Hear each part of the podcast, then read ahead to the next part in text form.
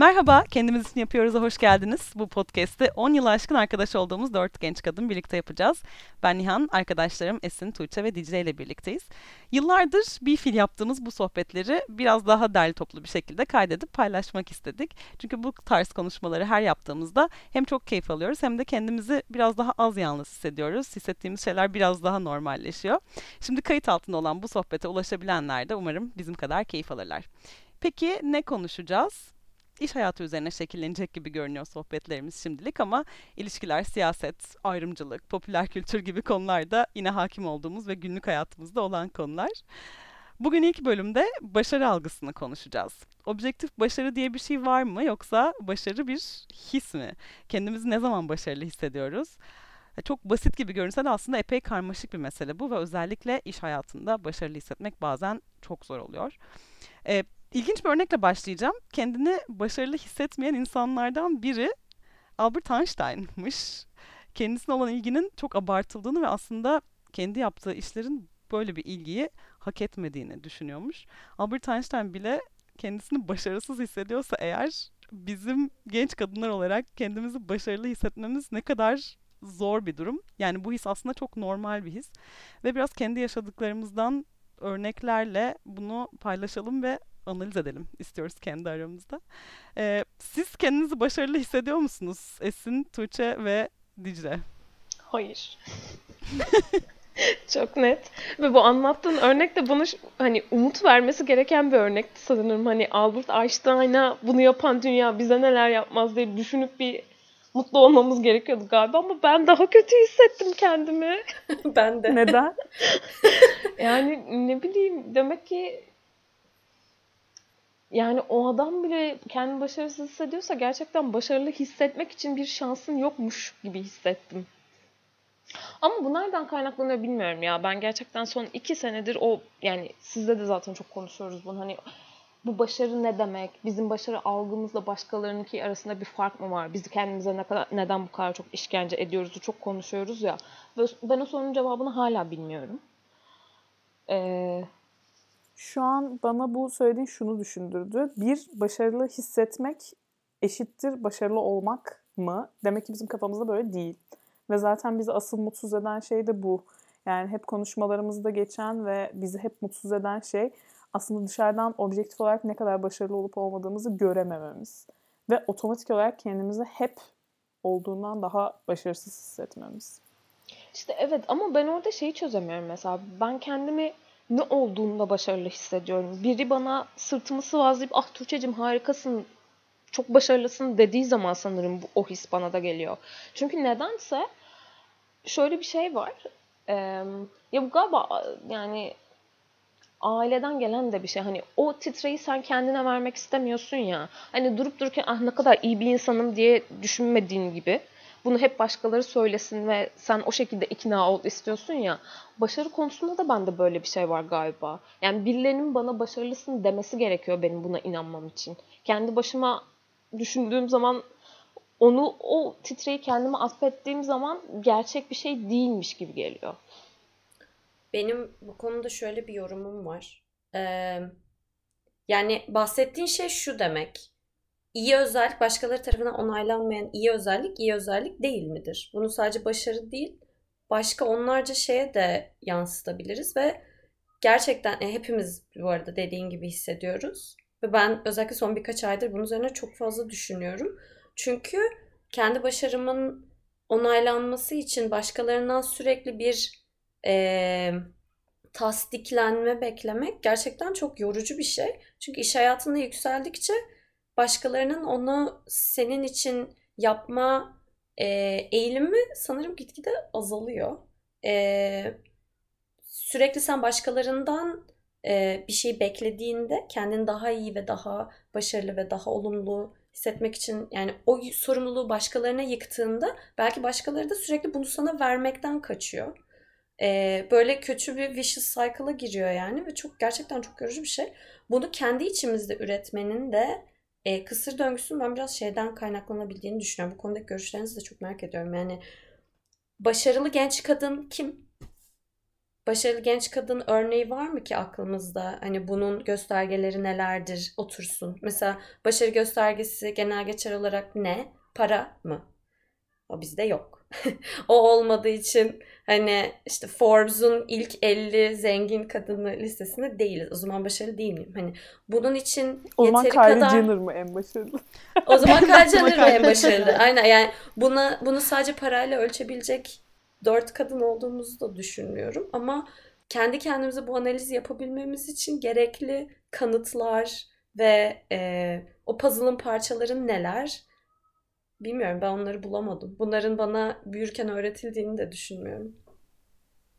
Bence sonsuz bir şey. Yani mesela parayla tanımlıyorsan göreceli olarak herhangi bir kalbur üstü bir işte çalışan ve kalbur üstü para kazanan birisi de başka birisine göre başarılı sayılabilir. Ama bu da yetmiyor. Yani bunun içindeyken de bu yetmiyor. Mesela çok çok 10 katı para kazanan birisini daha başarılı olarak görüyor olabilirsin. O zaman demek ki para değil yani aslında veya e, ya işte takdir edilme hissiyatı da belki hani işlerindeki müdürler, patronlar veya işte yetkili her kimse onu biraz hani ebeveyn yerine koyup bir takdir bekleme hissi de oluyor olabilir. Yani bence başarı ve başarısızlık korkusu da birbiriyle çok paralel giden şeyler. Yani başarısızlıktan ne kadar korkuyorsan o kadar başarılı hissedemiyorsun. Yani aslında dışarıdan bakınca ters orantılı bir şeymiş gibi görünüyor. Yani başarısızlıktan ne kadar korkarsan o kadar başarılı hisset hissederiz gibi görünüyor. Ama aslında tam tersi oluyor. Yani korktukça daha başarısız hissediyorsun. Ya o başarısızlık korkusunun belli bir yere kadar bir motivasyon olduğunu da düşünüyorum açıkçası ben. Yani seni daha çok çalışmaya, daha çok dikkat etmeye, daha çok özveri davranmaya iten bir noktaya da getiriyor. Şimdi burada şöyle de bir sıkıntı oluyor arkadaşlar. Bir, bir kere o insanların umurunda olmayabiliyor yani takdir etmek. O yüzden bu zaten çok e, hassas bir şey yani. Hani o insanlar dediğin yöneticiler mi? Evet. Sen üstlerinden takdir görüyorsan Aa, ne kadar güzel ama çoğu zaman bu üstlerinin umurunda bile olmayan bir şey oluyor. İkinci söyleyeceğim şey de şu ki bu kadar e, takdire bağımlı olduğu zaman insan en ufak bir şeyde demoralize oluyor. Yani mesela benim için nedir ofiste başarılı olduğumu hissetmek? Yani takdir kelimeleri almaktan daha çok ekstra sorumluluk verilmesi, ekstra görev verilmesi. Yani bunlar asıl benim beğenildiğimi hissettiriyor bana çalıştığım yerde. Ama bir yandan da mesela her şey sana verilemez. Ya o zaman da mesela ne oluyor? Bir gün geliyor, bir grup çok önemli bir görev alıyor bir işte ve ben onun dışında kalıyorum ve otomatik olarak mesela aklıma şu soru geliyor. artık beni beğenmiyorlar mı? Acaba artık beni bunun için yeterli görmüyorlar mı? Yani bu biraz da iyice artık hani o ipi incelttikçe inceltiyor. Hani senin kendine olan inancını. Ee, bir de şunu da eklemek istiyorum. Einstein örneğine geri dönmek gerekirse orada aslında bambaşka bir nokta daha var. Einstein'ın sürekli çevresinden takdir gördüğüne eminim. Yaşadığı dönemde de. Yani eminim ki herkes ona ne kadar başarılı olduğunu söylüyordu. Ama buna rağmen böyle bir lafa etmek aslında bu konuştuklarımızın daha ötesinde bir problemi de işaret ediyor. Ki onu da kendimde zaman zaman görüyorum. Yani başkaları senin başarılı olduğunu söylemesine rağmen ve sürekli bunun altı çizilmesine rağmen kendi başarısız gibi hissetmek. Yani işte imposter sendromu denen şey Türkçe'de sahtekarlık sendromu falan olarak çevrilmiş birkaç kaynak buldum. Evet yani şu his aslında e, şans eseri başarılı olduğuna inanma hissi. Yani bir şeyleri başardığını okey biliyorsun ama sanki bu başarıların hepsi tam ya tesadüfen olmuş ee, ve insanlar seni bu yüzden takdir ediyorlar ama sen bu insanları hep kandırıyorsun ve bir noktada bu balon patlayacak, foyan ortaya çıkacak ve insanlar sanacak ki sen çok başarısızsın, herkesi kandırdın, yok olacak. Ya yani bu insanların yüzde yetmişi bunu yaşayabiliyormuş. Bu arada tabii kadınlar işte e, ayrımcılığa uğrayan gruplar, azınlıklar falan bundan daha fazla etkilenme eğilimindeymiş. Yani bir yerde hani sana benzeyen, senin gibi konuşan insanlar yoksa, senin tarzında işleri yapan veya işte sadece senin gibi görünen insan bile yoksa e, o bunu tetikleyen şeylerden biriymiş. Ben e, bunu çarpı iki yaşıyorum sanırım şu anda Kanada'da yaşayan bir göçmen olarak. E, henüz ait olduğum, yani pardon içine girdiğim alanlarda kendime ait hissetme seviyesine ulaşamadım. Ve bu hani toplumsal olarak bir yerde bir azınlık grubu olmak ve dışarıdan gelmekle de çok bağlantılı. Ama yine yani maalesef herhalde bu benim için çok önemli. Konuyu sürekli buna çekeceğim gibi görünüyor. E, genç kadın olmakla da alakalı. 30 yaşın altında bir genç kadın olarak mesela ben hala ekip yönetmek bana düşer mi? Benim görevim mi? Benim alanım mı? Benim yerim mi? Yani o liderlik vasfını kendime hak görmediğim mi fark ettim. Son birkaç ayımı böyle bunu fark ederek ve bunu fark ettiğimde üzülerek geçirdim. Çünkü aslında içten içe başarılı olmaya, yani okul başarısından bahsediyorum, alışkın birisi olarak bunun hayatımda ve kariyerimde devam etmesini istiyorum.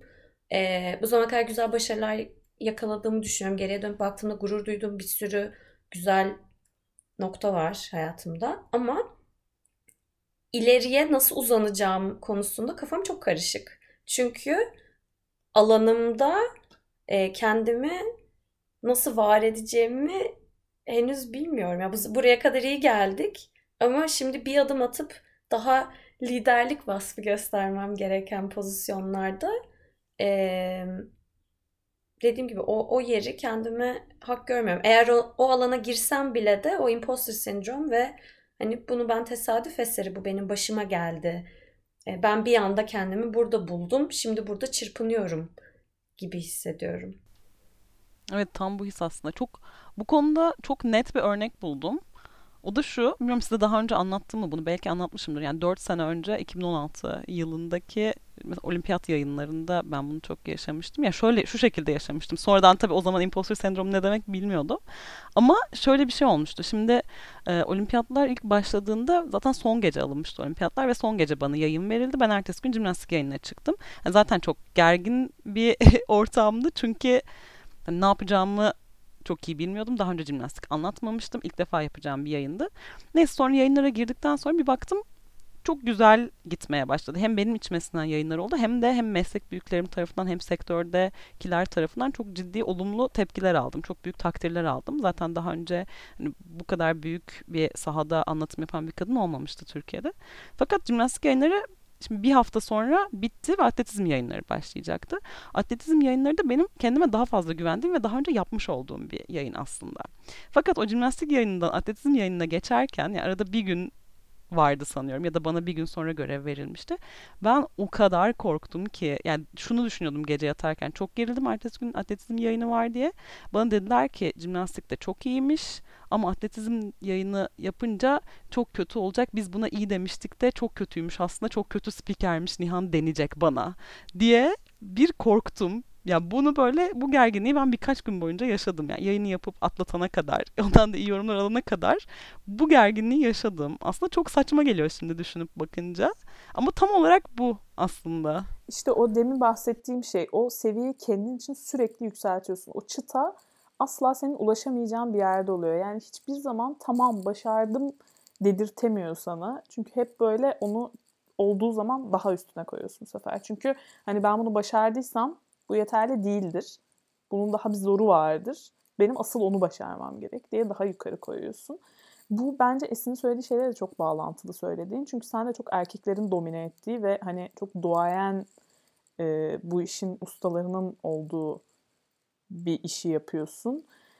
Ve gerçekten hani hem bu alanda başarılı genç kadın görmemek hem de sen bu alanda başarılı bir genç kadınken e, bazen ciddiye alınmamak, bazen takdir edilmemek, bazen görmezden gelinmek insanı çok kötü etkiliyor.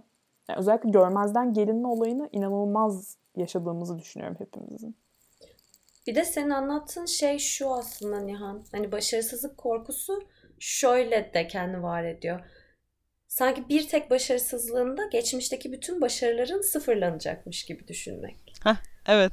Yani halbuki evet, bu, tam o, bu o kadar e, gerçek dışı bir korku ki ama yine e, bilmiyorum çoğu fazla çoğu işte şeyin genç erkeğin böyle düşünmeden daha cesur adımlar atabildiğine emin emin gibiyim. Öyle görünüyor. Tuğçe bir şey söyleyecektin. Evet. Ezan bitti mi? ya bence biraz şu da var. Yani hem kadın bakış açısıyla yaklaşırsak bu meseleye. Yani biz hep kendimizi kanıtlamak zorunda kalıyoruz ya aslında. Hep bir şeyleri yapabildiğimizi göstermek zorunda oluyoruz ya. Hani başkalarının default özellikle erkeklerin default bir şeyleri yapabildiği kabul edilirken bir kadının hayır ben de yapabiliyorum ya diye kanıtlaması gerekiyor ya bunu. Biz de o yüzden zaten hep hayatımızda sanırım biraz daha böyle yırtındık. Yani okul hayatımız da böyleydi. Ee, sadece kadın olmak da değil bu. Yetiştirilme tarzımız ve bize yüklenen sorumluluklar da işin bir parçası tabii ki ama e, o başarısızlık korkusunun ben biraz şundan türediğini de düşünüyorum. Yani biz gerçekten hiçbir zaman çok kötü dibe vurmadık. Yani insan bilmediğinden korkuyor ya. Biz başarısızlığı aslında tam anlamıyla tatmış insanlar değiliz. O yüzden de inanılmaz öcüleştiriyoruz onu. Yani hani bir kere şeyi görmüş olsaydık çok başarısız olup yani çok başarısız olmak neyse yani onun tanımını herkes kendine göre yapsın. O başarısızlığı tadıp ha yok ya tamam ölmüyormuşum buradan da çıkabiliyormuşum bir görmüş olsaydık belki şu an bu korkuyu bu kadar yaşamıyor olacaktık. Bir de takdir meselesine bir dönüp orada bir şey söylemek istiyorum. O bence yani mesela imposter sendromuyla da bence bu çok bağlantılı. Yani hani bunun e, son dönemde çok artan, çok konuşulan bir şey olması bence biraz e, şu anki iş kültürüyle de alakalı. Yani ben özel sektörde ne yazık ki yıllardır çalışan bir insan olarak hem kendimden hem özel sektörde diğer, çalışan diğer arkadaşlarımdan hep şunu gözlemliyorum. Beraber çalıştığım insanlar özellikle yöneticilerin e, iyi geri bildirim vermek konusunda çok kısıtlı davranıyorlar ama e, hata yaptığın zaman ya da bir şey daha iyi yapabileceğini düşündüğün zaman o konuda geri bildirim verirken çok cömertler. Dolayısıyla yani bir şey oluyor yani hani bir şeyleri iyi yaptığın zaman sadece kibar bir eline sağlık canım teşekkürler geliyor. Ama en ufacık bir hatanda şimdi sende bir konuşmamız lazım. Bunu böyle yapmışsın ama bu böyle olmamalıydı, şu şöyle olmalıydı bilmem ne. Bir saatlik bir toplantıya dönüşüyor o senin ufacık hatan. Şimdi bu insanda şunu düşündürtüyor yani hani imposter sendromu e, açıklarken şey dedik ya hani şans eseri bir şeyleri iyi yapıyorum. Yani sürekli böyle olumsuz hataların üzerine inanılmaz bir dikkat ve onun üzerine bir söylem duyunca hı hı. insan şey hissediyor. Yani okey tamam iyi yaptığım şeyler de var ama sanırım çok kötü şeyler de yapıyorum. Yani hani o ikisi birbirini dengeliyor mu dengelemiyor mu onu anlamıyorsun tam olarak. Ee, ben kendime mesela bunu hissediyorum. Yani e, işimde çok başarısız değilim muhtemelen. Ama ben kendimi çok başarılıymış gibi de hissetmiyorum. Çünkü genelde hep olumsuz bildirimler alıyorum. Olumlu tarafını hiç konuşmuyoruz mesela. Ben bu konuda bir şey soracağım hepinize. Ee, şimdi bu Tuğçe'nin söylediği şeye bağlantılı olarak bir geçmişi düşünün. Ailelerinizin sizin başarılarınıza verdiği tepkileri düşünün. Yani ben düşündüğüm zaman aklıma şu geliyor. Ben çok başarılı bir öğrenciydim. Ve hep başarılı sonuçlar elde ettim. Bir iki istisna dışında. Ve benim başarılı sonuçlarım evde hep hmm, şeklinde karşılandı. Yani bunun bir başarı olduğu mesela bana hiç iletilmedi. Yani bir başarısızlık olduğu zaman tabii ki bunun üzerinden konuşuluyordu ve hani sakin sakin hani bu da çözülüyordu. Ama başarı olduğunu ben hayatım boyunca hiç algılamadım sanırım. Yani neyin iyi, neyin daha iyi, neyin kötü olduğunu e, yaptığım şeyler. Mesela sizin deneyimlerinizi de merak ediyorum açıkçası. Hani bunu ortak böyle duygular yaşayan dört insan olarak acaba siz de mi böyle bir şey yaşadınız? Benim ben de çok daha... benzer deneyim yaşamıştım. Mesela sen Tuğçe sen başla sonra ben Yok. devam edeyim. Yani benim biraz daha farklı ya. Ben sanırım şey yani hani başarılı olduğumda da benim babam çocuklarıyla övünmeyi çok seven bir adam olduğu için hani bir sınavdan 5 aldığım zaman 3 gün millet onu anlatıyordu. Benim de kızım matematikten 5 almış falan diye. benim de hoşuma gidiyordu yani. Ben o konuda takdir edildim aslında evde. Belki iş hayatında bu kadar sıkıntı çekmemin sebebi evde o tutumu görüp iş hayatında e bir dakika kimse beni takdir etmiyor ama falan diye onun çatışmasını yaşıyorumdur belki Kesinlikle ben. Kesinlikle olabilir. Yani o duyguyu bir kere tadınca onun devam etmesini eee ya bağımlılık derecesinde abartı olur belki ama hani onu sürekli olmasını ve sürmesini istiyor olabilirsin gerçekten. Ya bu arada bence başarı ve başarısızlığı özellikle son birkaç aydır bu kadar gündemimize almamızın sebebi bu dörtlünün okul başarısı ve iş hayatı başarısı çok farklı ve belki de tam bu zamanlarda hayatımızda bu kendini çok belli etmeye başladı ama ya liseden beri arkadaş olan bir dörtlü olduğumuz için bizi en e, birleştiren büyük ortak noktalardan biri okulda çok başarılı olan dört kadın olmamız ve hani başarı algımızın çok uzun yıllar stabil bir şekilde onun üzerinden şekillenmiş olması. Belki hani bundan 20 yıl sonra iş hayatındaki başarı da ve o algı da çok yerine oturacak ama okulda her şey çok daha şeydi ya netti ve işte notlar hani çok daha somut bir takım e, verilerle kendini belli ediyordu. Hmm, ya ben şunu hatırlıyorum Dicle yani anne babamın açıkçası hani çok aşırı normalleştirdiğini söyleyemem. Yani hep takdir gördüğümü düşünüyorum. Onlardan da bir e, başarıların kutlandığını hissettiğimi hatırlıyorum. Ama kendi içimde mesela müthiş normalleştirdiğimi ve tabii ki 5 alacağım ya. Tabii ki iyi alacağım. Bu normali zaten. Hani benim hak ettiğim bu, benim alıştığım bu, benim normalim bu diye algıladığımı ve kafama o e, o sabit e, düzlemi yerleştirdiğimi hatırlıyorum. E, belki de o da iş hayatında bir takım engellerle karşılaşınca ya da zorluklarla karşılaşınca bir dakika ya bu benim normalim değil ama tepkisini getiriyor bir beraberinde ve bu da beni çok zorluyor psikolojik olarak. Yavaş yavaş merdiven alt terapiye kayıyor muyuz? yani Aynen. evet ya ben de Esin kafasının içindekileri baya bana söyleniyordu. Ya, tabii ki 5 alacaksın canım başka ne olabilir ki? Ben, tabii ki onu yapacaksın canım. Tabii ki yapacaksın yani tabii ki 100 alacaksın. Neyse işte yani 100 aldıysam. Ee, öyle bir yaklaşım vardı çok eskiden beri. Ama okulda senin dediğin gibi çok net yani. Sen diyelim ki yani matematikten 90 aldın. Sonra hoca gelip sen niye bu soruyu çözemedin dedi. E zaten 90 almışsın, 95 almışsın, 100 almışsın. E zaten bir şey açıklamana gerek yok ve kendini başarısız hissetmene de gerek yok aslında. Çünkü net bir sonuç var. Hani belki tabii o da onun da yetmediği zamanlar oluyordur eminim ki. Neden 100 değil sorusuyla karşılaşılmıştır eminim ki. Ama işte işte öyle değil yani. Birisi gelip sana bir geri bildirim verdiği zaman yani niye orada böyle söyledin veya bak bunu böyle yapmıyoruz dediği zaman sanki bir işi doğru yapamamışız ve başarısızmışız ve o işi yapmaya uygun insanlar değilmişiz gibi e, hissetme. Yani e, Tuğçe için şunu söyleyecektim. Ya birisinin aslında müdürün patronun gelip sana hani bak bunu niye böyle yaptık böyle yapmayalım demesi senin başarısız, yetersiz, yetkin olmayan bir insan olduğunu göstermiyor.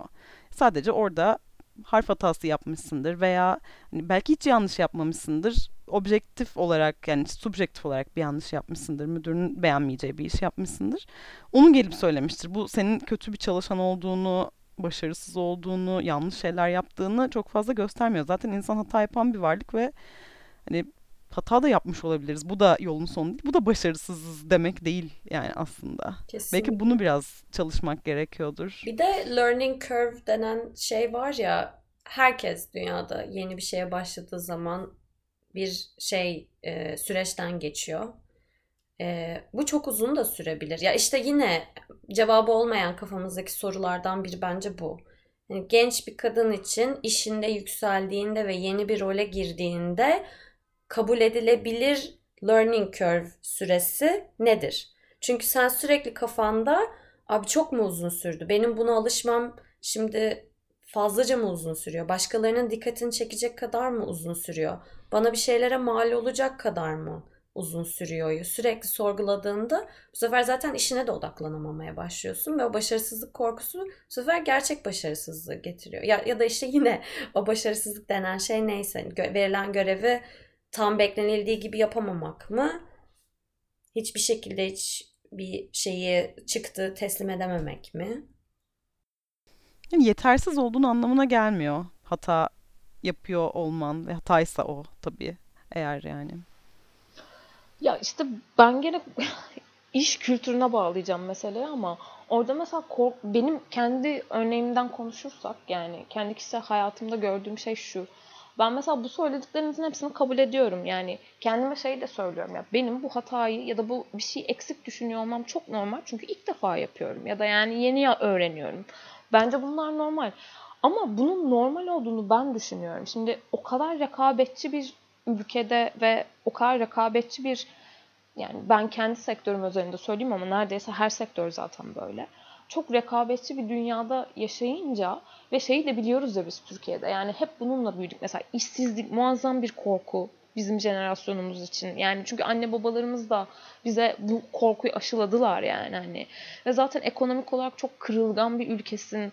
Devlet seni inanılmaz yalnız bırakıyor bu konuda. Yani böyle bir sosyal devlet anlayışı, bir destek mekanizması yok bireye karşı. Dolayısıyla işsiz kaldığın zaman zaten bir etiket yapıştırılıyor ve bir kenara atılma korkusuyla. Bu böyle olmuyor ama bu, bu korkuyu yaşıyorsun ve bu çok içselleştirilmiş bir korku.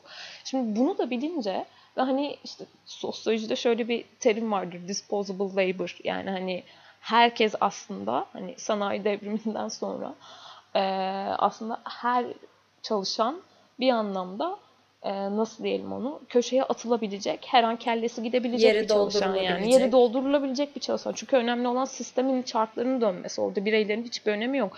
Şimdi bütün bunları bilince ve içselleştirince şey oluyorsun yani hata yapma payının çok az olduğunu hissetmeye başlıyorsun. Ve yöneticin de sana o hata yapma payını ne kadar veriyor bunu kestirmesi çok zor işte. O yüzden zaten kendine çok yük bindiriyorsun. Yani ben kendi adıma kendi performansımı kötü değerlendirmem ama şundan asla emin olamıyorum. Benim çalıştığım insanlar bana bakınca ya öğrenme aşamasında bunlar tabii ki olabilir. Hani gayet normal bir süreç izliyor mu diyor. Yoksa hani ya bu kız da bir türlü beceremiyor mu diyor. Hani o kararı asla veremiyorum ben mesela. Peki bir soru yöneltebilir miyim o zaman herkese? Mesela siz sizin için başarısızlığın getirdiği en kötü sonuç ne olur iş hayatında? İşini kaybetmek mi? Yoksa senin hakkında bu insan bunu beceremiyor denmesi mi?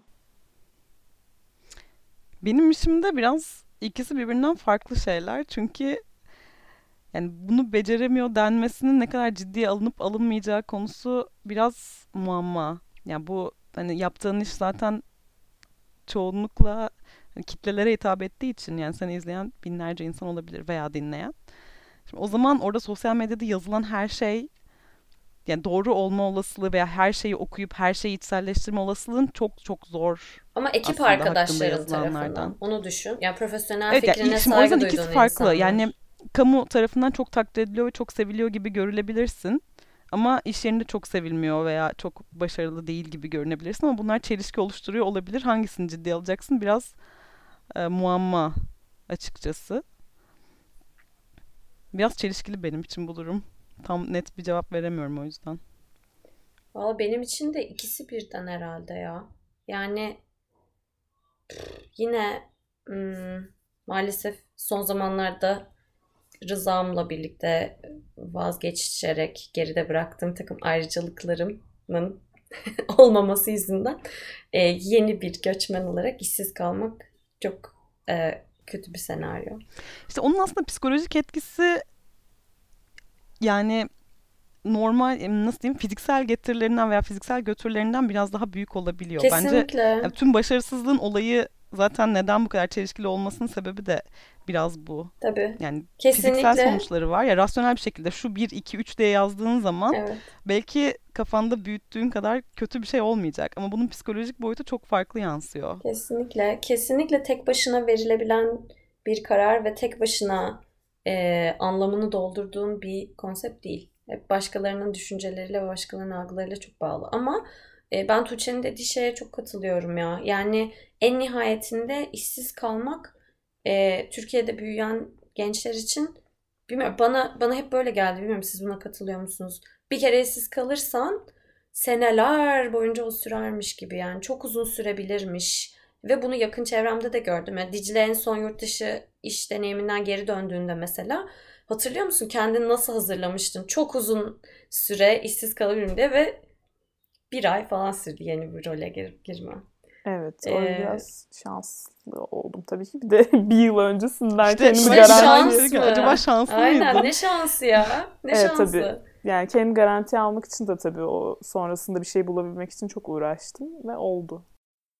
Yani psikolojik boyutunun belki olası fiziksel sonuçlarından daha büyük olduğu konusunda uzlaştık sanıyorum. Benim bu konudaki araştırmalarımda daha çok konuşmanın faydalı olduğunu söylüyor yazılan makaleler. Ya bu konu üzerinde konuşmanın, arkadaşlarına konuşmanın, belki mentoruna konuşmanın, belki psikoloğunla konuşmanın bu konunun da üstesinden gelip hayatını düzene sokmak konusunda veya bu seni çok etkilemeye başladıysa e, bunun üstesinden gelmek konusunda etkili olduğunu söylüyorlar. Yani başarısız hissediyorsan yalnız değilsin ve bu bir his. Yani sen aslında hiç yetkin olmayan, hiç bir şeyi başaramayan, beceremeyen bir insan değilsin. Bu his, bunun his olduğunu ve üstesinden gelinebilecek bir şey olduğunu fark etmekle başlıyor belki. Evet ve bana mesela kişisel olarak beni çok uzun süredir tanıyan insanlarla siz gibi konuşmak çok iyi geliyor. Çünkü e, bu işte hmm, hayatıma yeni giren deneyimlerin ve yeni giren ortamların ve yeni giren e, görevlerin henüz beni tanımlayacak kadar hayatıma dahil olmadığını bana hatırlatıyor. Yani çünkü benim beni çok daha uzun süredir tanıyan insanlar benim hayatımla ilgili çok daha fazla bilgiye sahip. En azından hani başarı algımı başkalarının fikirlerine göre şekillendireceksem bile beni çok daha iyi tanıyan insanların fikirlerine göre şekillendireyim e, tercihini yapabiliyorum. Evet çok Ama, mantıklı. Ama uzun vadede sustainable değil bence. Çünkü uzun vadede zaten kendini ondan da sıyırıp bu sefer öz başarı algısını oluşturmak lazım. Evet. Ama işte bazı bazen dışarıdan bakan insanların, objektif bakan insanların sana kendi başarılarını hatırlatması gerekiyor. Yani çünkü insan içeriden baktığı zaman e, bunu net bir şekilde göremiyor. Çok fazla genelleme yapıyoruz, çok fazla çarpıtma yapıyoruz. O yüzden mesela senin için bizimle konuşmak o anlamda işe yarıyor olabilir. Çünkü senin o genellemelerin üzerine bir dev bir çarpı atıp biz hani bak Esin bizim elimizde olan budur. Al sen busun diye veriyoruz. Ben de şöyle bir şu yani zihinsel olarak yaptığım bir egzersiz olarak bunu kullanıyorum. Bazen kendimi başarısız hissettiğimde. Şimdi başarılı olduğum konular da var. Mesela kendimi objektif olarak başarılı hissettiğim bazı konular da var. Ee, ve bunlara yoğunlaşıyorum. Yani ben bu konuda başarılı olmak için ne yaptım? Bu konuda ne zaman kendimi başarılı hissetmeye başladım? Bu konuda başarılı olduğumu nasıl hissediyorum? Falan gibi yani bunlara yoğunlaşıp o elimdeki bana çok zor gelen ya da kendimi yetersiz hissettiğim konuya onları uygulamaya çalışıyorum. Ha, bazen faydalı oluyor, bazen olmuyor ama en azından insana bir motivasyon oluyor. Bence çok güzel bir taktikmiş. Aynen bayağı güzelmiş. Valla benim bu konuda somut bir önerim ne yazık ki yok. Çünkü yani bu dediğim gibi konuşmanın da başında benim çok uzun zamandır cevabını aradığım ve kendimde çözmeye çalıştığım bir konu. Ama ben kendime şunu hatırlatıyorum. Mesela işte konuşmak bence de çok yararlı. Çünkü mesela sizinle konuştuğum zaman ya da başka arkadaşlarımla konuştuğum zaman bunun sadece benim hissettiğim bir şey değil de etrafımda, benim jenerasyonumda, benim e, yaş evremde olan pek çok insanın aynı deneyimleri, aynı hissiyat içerisinde olduğunu fark ediyorum ve bu bana şunu düşündürtüyor. Belki de bu gerçekten hayatımızın belirli bir ve geç yani belirli ve geçici bir evresidir. Şu an bu konuya bu kadar kafayı takıyor olmamız ve kendimizi bu kadar başarısız tırnak içinde hissediyor Umarım olmamız. öyledir. Çünkü ya bana biraz işte şöyle gibi geliyor. Ee, bunu daha önce de konuştuk ya. Yani ben 6 senedir falan çalışma hayatındayım. Yani e, 29 yaşındayım. Yani böyle yeni mezun bir çalışan değilim. Dolayısıyla hani deneyimli olduğum için bana o gözle bakılıyor. Hani deneyimlisin ve her şeyi biliyormuşsun gibi davranılıyor. Ama aslında her şeyi bilmekten çok uzağım çünkü hala kariyerimin çok başındayım. Ve bilmiyorum dünyada da bu böyle mi?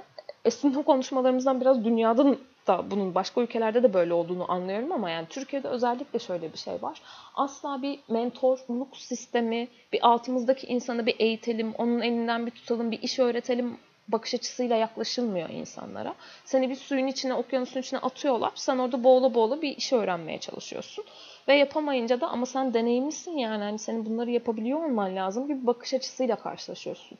O yüzden hani kariyerimizde o kadar araf bir yerdeyiz ki ne sıfırız yani ne inanılmaz yani yeni mezun bir deneyimsiz olmadığımız için o hata payı da çok uzun değil bize tanınan.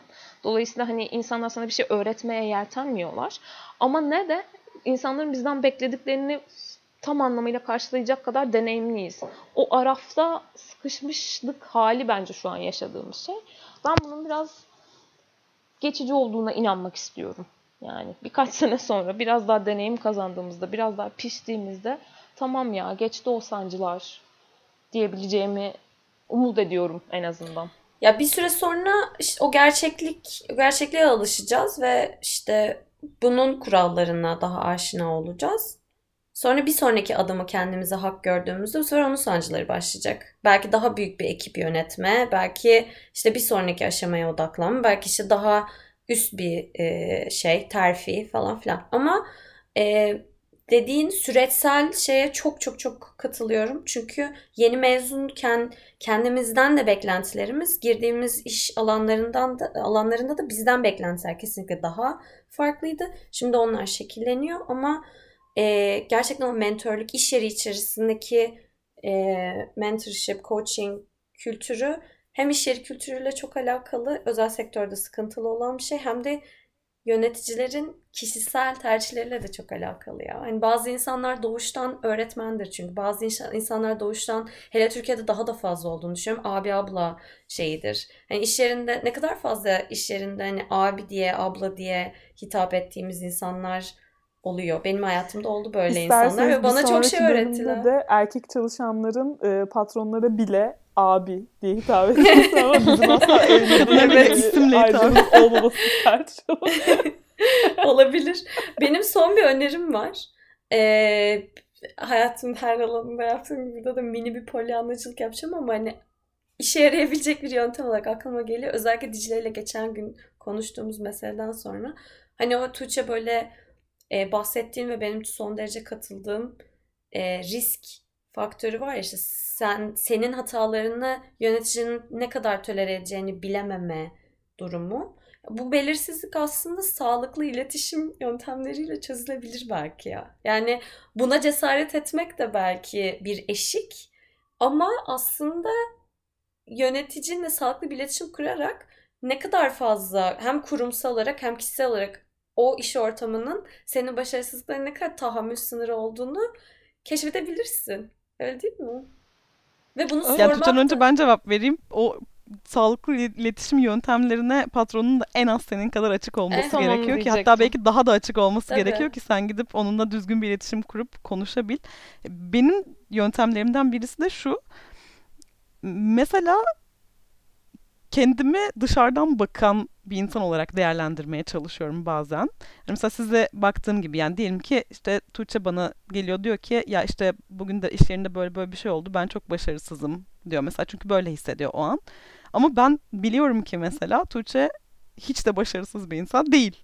Yani oraya kadar hani çok yakından uzun süredir tanıyan bir insan olarak yani Tuğçe'nin bir şekilde bunu atlatabileceğini, çok çok daha büyük şeyler başardığını ve bunun hani bu kadar da kendisini üzmesine değmeyecek bir mesele olduğunu görebiliyorum örneğin.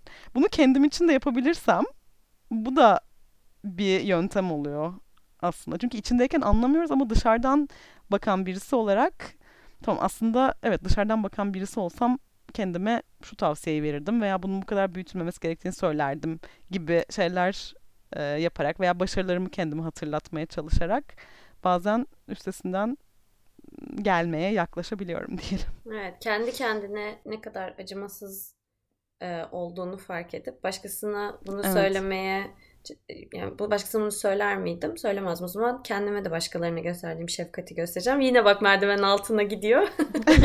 Şefkat mevkat derken. Ekleyecek bir şeyiniz var mı? Hayır. Harika bir sohbetti. Okay. Ağzınıza sağlık kızlar. Yüreğimize de sağlık. Yüreğinize de sağlık. bu hafta bu hafta başarı algısını konuştuk. Her hafta yeni bölümle karşınızda olacağız. Kendimiz için yapıyoruzun sonuna geldik. Yeniden görüşmek üzere. Hoşçakalın. Hoşçakalın.